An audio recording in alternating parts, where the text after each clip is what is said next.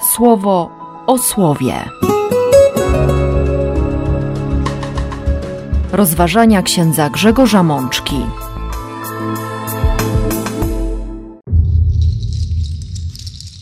Druga niedziela zwykła, rok C.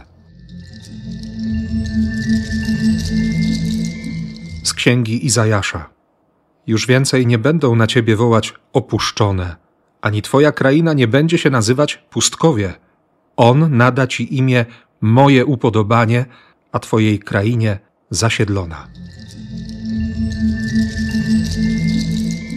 Z Psalmu 96. Śpiewajcie ku chwale Pana, błogosławcie Jego imię.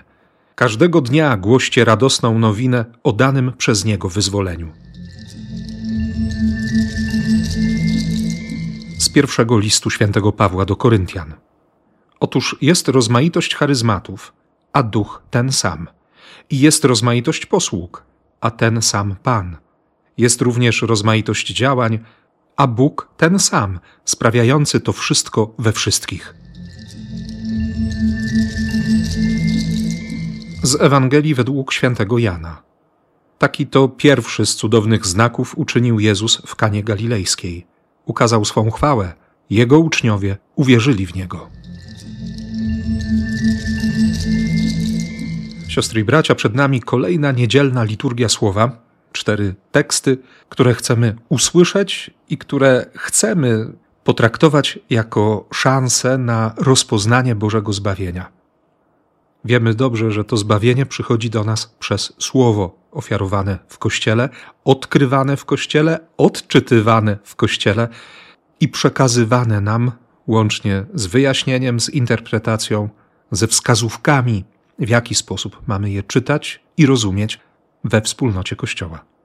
Przyznam szczerze, że e, od pewnego czasu mam w sobie to ogromne dziękczynienie za Kościół, właśnie za tę wspólnotę i za to, że tutaj mogę czuć się bezpieczny, czytając Biblię, że mogę czuć się bezpieczny, patrząc też na rzeczywistość, na moje życie, na życie moich sióstr i braci, na to wszystko, co dzieje się w świecie, a co często wywołuje pewien niepokój, co sprawia, że, że odzywa się, myślę, że nie tylko we mnie, ale również w Was, to echo ogrodu Eden, kiedy demon wprowadził człowieka w tę przestrzeń nieufności wobec Boga. Ulegliśmy tej pokusie, by trzymać Boga na dystans. I wciąż gdzieś z tyłu głowy mamy jakąś nieufność przychodzi łaska, mamy doświadczenie błogosławieństwa, od razu gdzieś tam za nami zapala się ostrzegawcza lampka, przecież coś się na pewno wydarzy. Nie może być tak dobrze. Ten lęk, obawa jakaś przed stratą, przed udręczeniem, przed doświadczeniem jakiegoś cierpienia, to wszystko jest pozostałością grzechu pierworodnego. A Bóg dzisiaj przychodzi do nas ze słowem o radości wszystkie cztery teksty. Początek 62 rozdziału Księgi Izajasza.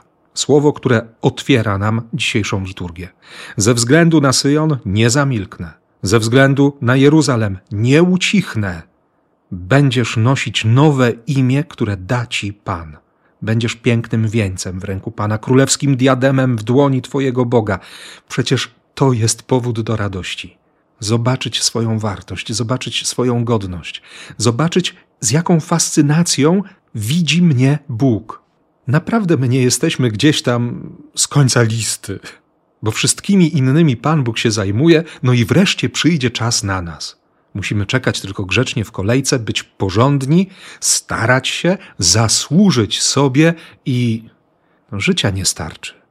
A przecież kiedy Bóg wypowiedział słowo uczyńmy człowieka na nasz obraz i stworzył nas na swoje podobieństwo. To po to, byśmy byli Jego radością i żebyśmy w bliskości z Nim, w relacji z Nim odkrywali szczęście. Jak młodzieniec zaczyna żyć w małżeństwie z dziewicą, przeczytamy w piątym wersecie tego 62 rozdziału Izajasza, tak twoi synowie zamieszkają z tobą. Wreszcie są razem, on i ona wreszcie mieszkają ze sobą, wreszcie mogą się cieszyć małżeństwem. Jaka to jest radość, ile tam jest szczęścia, jak bardzo są za sobą stęsknieni, jak mocno czekali na ten dzień. Oczywiście ktoś może powiedzieć, no dzisiaj czasy mamy inne.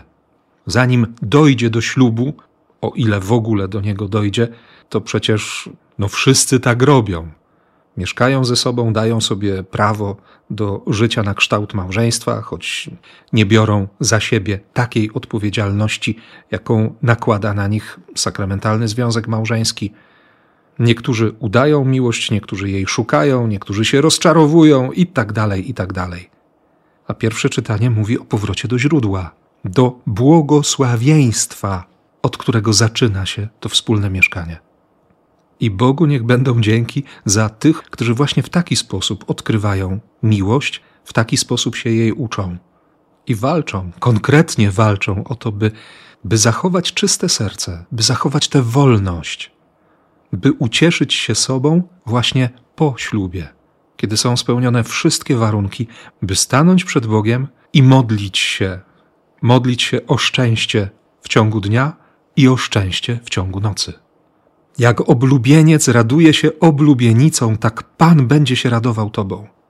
Chodzi o tę więź, o tę intymność, o taką jedność, która daje poczucie, absolutne poczucie bezpieczeństwa, która wyraża się również w tym daniu sobie nawzajem bezpiecznej przestrzeni, ale też wiąże się z odpowiedzialnością za drugiego, za tę miłość, którą obudziłem, która mi została powierzona, którą mam rozwijać ktoś może powiedzieć, idylliczne albo nawet utopijne myślenie. Czy tak jest? Może dziś trzeba wrócić do źródła, może trzeba o tym pomyśleć właśnie w taki sposób. Jeszcze raz przyjąć punkt widzenia Boga. Że on dla wielu będzie niewygodny? To prawda. Tak bywa. Czy jest potrzebny? Myślę, że w tym świecie zdecydowanie tak. Bo bycie szczęśliwym to, to nie sztuczne obrazki pozowane zdjęcia i nakładane coraz to nowe filtry na instagramowe czy facebookowe albo jeszcze inne relacje w internecie. Przecież to szczęście polega również na konkretnym zmaganiu się ze sobą, z innymi, z tymi, których mam najbliżej. Nie po to, żeby pokazać i przekonać do swoich racji, ale żeby wspólnie odkryć drogę do szczęścia, do nieba, do Boga a zaczyna się właśnie od tego przekonania: nie jestem byle kim. Jesteś klejnotem, jestem diademem, jesteśmy skarbem Boga. I warto potraktować siebie samych i siebie nawzajem jak skarb. Nie bez przyczyny to drugie przykazanie miłości, jakie sobie pewnie codziennie przypominamy w modlitwie pacierzowej, brzmi: kochaj bliźniego tak jak siebie. Będziesz kochał bliźniego tak jak siebie. Będziesz słuchał Boga, zaczniesz kochać Boga i będziesz kochał siebie i bliźniego. Tylko słuchaj. Posłuchaj tego, co Bóg ma ci dziś do powiedzenia. Skoro On mówi, że jesteś Jego radością, dlaczego mu nie wierzyć? Być może dlatego komentarzem do pierwszego czytania jest dziś Psalm 96, kiedy po czasie niewoli odbudowany został dom, Chodzi oczywiście o odbudowanie świątyni w 515 roku przed narodzeniem Chrystusa. W drugiej części dedykacji przeczytamy, że to pieśń dla Dawida. No naturalnie Dawid już od ponad 400 lat nie żyje. Chodzi o ducha, o ducha radości, jaki towarzyszył Dawidowi, kiedy pisał psalmy, kiedy śpiewał pieśni dla Pana. I do tego właśnie wzywa ten tekst. Śpiewajcie Panu, śpiewajcie nową pieśń. Śpiewaj cała ziemio. Śpiewajcie ku chwale Pana, błogosławcie Jego imię. Każdego dnia głoście radosną nowinę o danym przez Niego wyzwoleniu. No właśnie. Radość, bo Bóg nas wyzwolił. I nie chodzi tylko o powrót z niewoli babilońskiej. Nam ten tekst mówi o uwolnieniu zwiążących nas kajdan grzechu, o wyzwoleniu, który przynosi Jezus o błogosławieństwie, które nigdy się nie skończy, o miłosierdziu, którego obfitość jest nieogarniona. Ucieszyć się wyzwoleniem. Jest taka radość, która towarzyszy po, po dobrze przeżytej spowiedzi. Wtedy, kiedy wypowiedzieliśmy przed Bogiem swoje grzechy i okazało się, że Jego odpowiedzią jest miłosierdzie. Czasami nawet nie dowierzamy. Czasami czujemy się zażenowani tym, że że Bóg aż tak kocha. Nie potrafimy znaleźć słów wobec Jego miłosierdzia. A psalmista mówi: głoście radosną nowinę. Od razu mam na myśli ojca Stanisława Jarosza, obecnego proboszcza parafii paulińskiej w Brdowie, który niezmiennie na pytanie, co słychać dobrego u ciebie, ojcze, odpowiadał: Bóg kocha grzesznika. Nie ma lepszej nowiny. Tak, to jest Ewangelia. I za każdym razem w jego głosie było słychać tę niekłamaną radość. Jak dziecko cieszył się i cieszy się do dziś tym, że Bóg ma miłosierdzie, że Pan Bóg naprawdę kocha grzesznika, że nie chce naszej śmierci, ale, ale przebacza grzechy, daje miłosierdzie, daje łaskę i ciągle liczy na to, że, że wreszcie zostawimy te drogi grzechu, że nie będziemy wracać do słabości, że nie będziemy ulegać pokusom, że będziemy wybierać Jego miłość, a, a kiedy znów się potkniemy, znowu upadniemy, znów wrócimy. Znów będziemy prosić o ducha radości dla nas, bo radość jest też niezwykłą bronią przeciwko diabłu. Demon nie znosi czystej, dziecięcej radości, którą mamy choćby po spowiedzi, albo kiedy spotykamy się z kimś bliskim. Dlatego diabłu zależy tak bardzo, by wynaturzyć każdą z przyjemności, choć on nie potrafi stworzyć żadnej, bo przyjemność jest dziełem Boga. Radość jest łaską. Diabeł natomiast prowadzi nas do, do takich granic, albo właściwie przekraczania granic radości, przyjemności, szczęścia, zadowolenia, że to staje się grzechem, to staje się powodem ogromnego smutku. Nieprawdopodobny paradoks. Obsesja na punkcie przyjemności, zdobywania, gromadzenia, taka zachłanność w szukaniu szczęścia prowadzi do jeszcze większego osamotnienia, do jeszcze tragiczniejszej pustki. A przecież jesteśmy tego głodni. Każdy z nas ma w sobie takie łaknienie i szukamy, i przeżywamy kolejne rozczarowania. I potrafimy się tak zaplątać w tę sieć naszych niespełnionych marzeń, że nie bardzo wiadomo, co z tym potem zrobić.